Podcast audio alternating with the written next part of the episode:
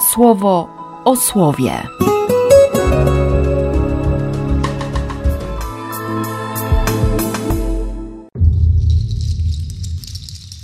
Dziewiętnasty lipca, poniedziałek. Z Księgi Wyjścia. Pan przemówił do Mojżesza takimi słowami: Powiedz synom Izraela, aby zawrócili i stanęli obozem w pobliżu osady między Migdolem a morzem, naprzeciw Baal Sefon. Przy nich nad morzem założysz obóz. Wtedy faraon powie do swojego ludu: Synowie Izraela zabłądzili w kraju i zamknęły im drogę pustynne tereny. Ja przyzwolę, by znowu schardziało serce faraona. Ruszy w pościg za wami, lecz zatriumfuje nad faraonem i nad całym jego wojskiem. Przekonają się wszyscy Egipcjanie, że ja jestem Panem. I uczynili tak. Doniesiono wtedy królowi Egipcjan, że lud zmieniło się zatem serce faraona i jego dworzan w stosunku do ludu. Zaczęli mówić: Co myśmy dobrego zrobili, wypuszczając synów Izraela z naszej służby? Faraon rozkazał zaprzęgać do rydwanów i poprowadził z sobą cały swój zbrojny lud. Zabrał z sobą sześćset najlepszych rydwanów bojowych i całą konnicę Egipcjan oraz doświadczonych weteranów ze wszystkich sił zbrojnych.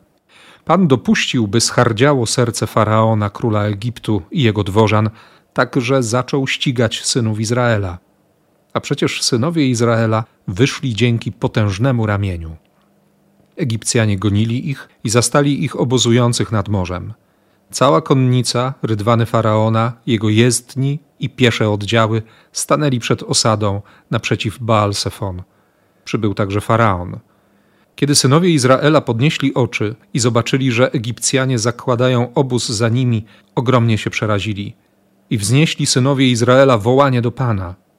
Potem zwrócili się do Mojżesza ze słowami: Czy w Egipcie zabrakło grobów, że nas wyprowadziłeś, aby nas wygubić na pustyni? Co nam dobrego zrobiłeś, wyprowadzając z Egiptu? Czyż nie tak mówiliśmy ci w Egipcie: Zostaw nas, abyśmy mogli służyć Egipcjanom? Lepiej jest dla nas służyć Egipcjanom, niż wymrzeć na tym pustkowiu. Mojżesz odpowiedział ludowi: Nie bójcie się, zostańcie na miejscu i oglądajcie wybawienie, które Bóg wam dzisiaj przyniesie. Po wieczne czasy nie zobaczycie już więcej tych Egipcjan, których teraz widzicie. Pan będzie walczył w waszej obronie, a wy będziecie bezpieczni. Rzekł Pan do Mojżesza: Czemu do mnie wołasz?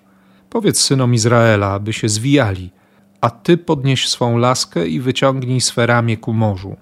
Przetnij je, aby synowie Izraela mogli przejść przez morze po suchym dnie. Ja podtrzymam hardość serca faraona i wszystkich Egipcjan, także wyruszą za nimi. Wtedy okaże się moja chwała na faraonie, na całym jego wojsku, na rydwanach wojennych i na jego konnicy. A kiedy moja chwała okaże się na faraonie, na rydwanach wojennych i na jego konnicy, przekonają się Egipcjanie, że ja jestem Panem. Z Ewangelii według świętego Mateusza. Wtedy odezwali się do niego niektórzy z uczonych w piśmie i faryzeuszy. Powiedzieli: Nauczycielu, chcemy zobaczyć jakiś znak od ciebie. A on w odpowiedzi rzekł im: Zepsute i cudzołożne plemię domaga się znaku, lecz znak nie będzie mu dany poza znakiem proroka Jonasza. Jak bowiem Jonasz był we wnętrznościach potwora morskiego przez trzy dni i trzy noce, tak syn człowieczy przez trzy dni i trzy noce będzie w łonie ziemi. Ludzie z Niniwy staną do sądu z tym plemieniem i potępią je, bo oni na wołanie Jonasza nawrócili się, a oto tu coś więcej niż Jonasz. Królowa z południa stanie do sądu z tym plemieniem i potępi je, bo z krańców ziemi przybyła, aby posłuchać mądrości Salomona, a oto tu coś więcej niż Salomon. Tak chodzi za mną to, że, że był moment, kiedy faraon wezwał Mojżesza, Arona, kazał im się wynosić i tuż przed ich wyjściem poprosił ich o błogosławieństwo. Jakaś nutka nadziei. Ale myślę, że i ty, i ja doskonale wiemy, jak trudno jest się wyrwać z kręgu zła. Te przyzwyczajenia, jakieś nałogi, to, że zawsze tak było, albo że nigdy czegoś nie było, to nas może wpędzić w niezłe tarapaty. I rzeczywiście, mija tylko trochę czasu, i serce faraona znów się zmienia. Co myśmy dobrego zrobili, wypuszczając synów Izraela z naszej służby? Powroty do starych schematów, równia pochyła w kierunku śmierci. Potrzeba czegoś więcej niż strachu, niż lęku. Nie? To nie tak, że, że przerażenie pobudzi do miłości, że można nawracać e, ogniem i mieczem. To absolutnie nie jest ta droga. Nawet teraz, te ostatnie dni i komentarze w sieci, powodzie w Europie, trzeba się nawracać, bo Pan Bóg przychodzi z karą. Nie? Wczoraj czytaliśmy w liście do Efezjan, że, że Chrystus zburzył mur wrogości. Postawił swój krzyż dla tych, co są daleko i dla tych, co są blisko. No chyba nie o to chodziło Bogu, żeby, żeby teraz zrzucać rozmaite kary i plagi.